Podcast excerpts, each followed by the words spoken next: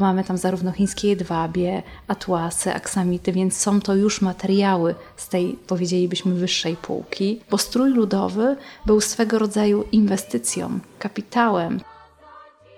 Wianek był przeznaczony dla młodej dziewczyny, która dodatkowo no, była jeszcze dziewicą, tak? Natomiast tak zwane zawitki, czyli panny z dzieckiem, już tego wianka założyć nie mogły.